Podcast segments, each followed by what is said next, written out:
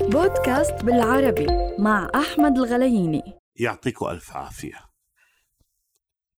هل يحق لك أن تفتخر بأنك صنعت شيء لفلسطين وللمقاومة ولنضالنا من أجل تحرير فلسطين والعودة الأرض لأصحابها؟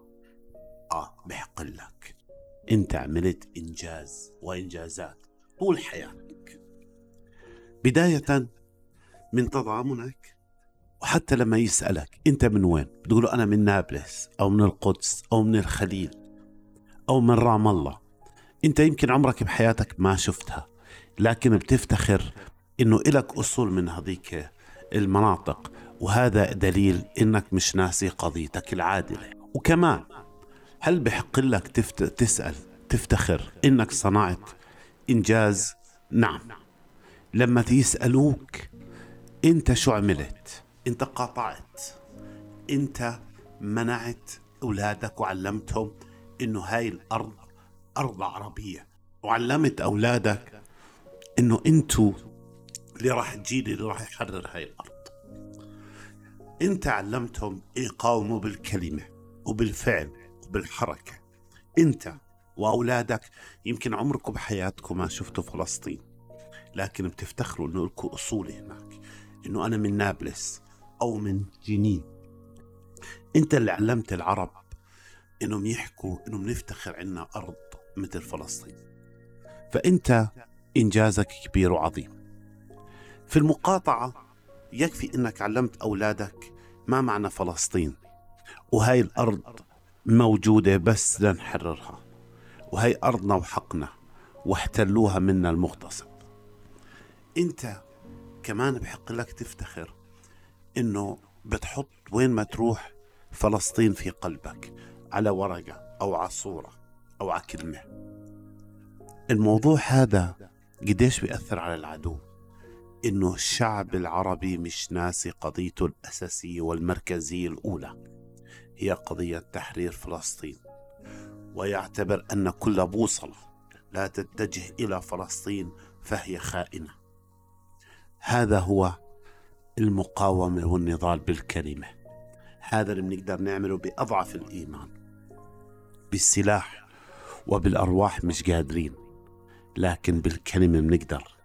القلم والكيبورد شاشات التاتش اللي بتلمسها كل حركة سواء نشر صورة أو تمنع عن بيتك منتج يدعم الصهاينة فهذا فخر كبير إلك إنك أنت عم بتقاوم بالكلمة.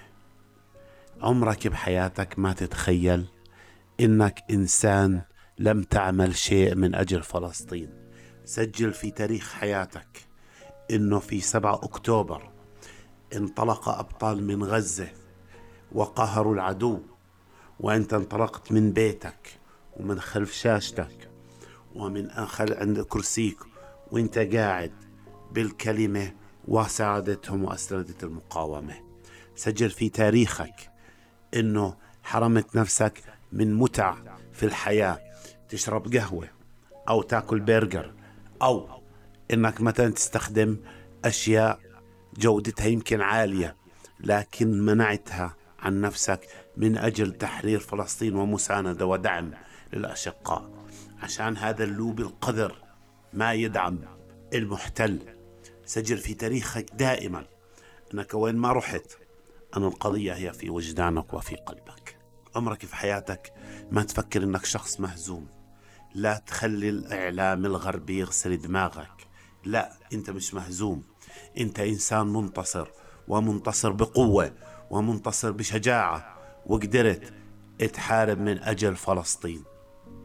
هذا هو اللازم تتعلمه وتعلمه لأولادك كل يوم وكل دقيقة وكل ساعة.